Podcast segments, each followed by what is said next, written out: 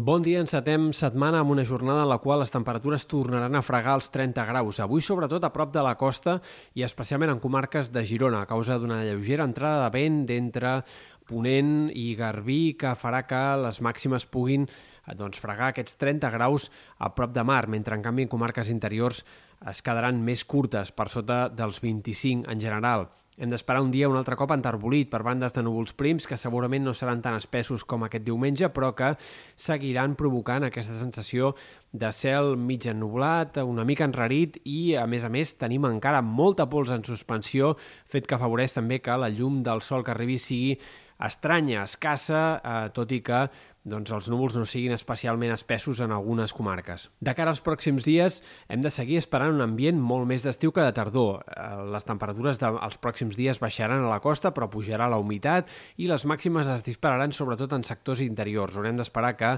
en el tram central de la setmana el termòmetre torni a fregar els 30 graus en alguns casos. Per tant, seguirem encara tota aquesta setmana lectiva amb temperatures molt més d'estiu que de tardor i clarament superiors al que caldria esperar per l'època. Això sí, els mapes del temps dibuixen una progressiva baixada del termòmetre a partir del cap de setmana i durant el pont de Tots Sants, de manera que tot i que arribem al pont de Tots Sants encara amb un ambient molt d'estiu, és probable que s'acabi el pont ja amb temperatures més normals per l'època. No amb un fred destacable, però sí amb temperatures més normalitzades. Pel que fa a l'estat del cel, els pròxims dies no hi ha d'haver grans canvis. Aquestes últimes hores encara hi ha hagut pluges significatives, altre cop en sectors del Pirineu Occidental, s'han arribat a superar els 30-40 litres per metre quadrat a les cotes altes de sectors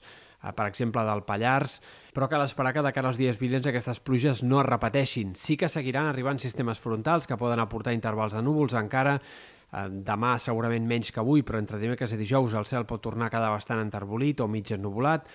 eh, i en tot cas a la segona part de la setmana probablement també aquests núvols prims siguin menys espessos, però en tot cas aquests sistemes frontals que arribin no acabaran de comportar precipitacions ni tan sols al Pirineu durant les pròximes jornades, escasses possibilitats que tornin a ploure durant aquesta setmana i de cara a l'inici de la setmana que ve tampoc no hi ha hores d'ara grans perspectives de canvis. Per tant, haurem d'esperar el mes de novembre per veure unes pluges que cada cop fan més falta, cada cop són més necessàries, tot i que hi hagi hagut una regada aquesta última setmana significativa en sectors del Pirineu Occidental.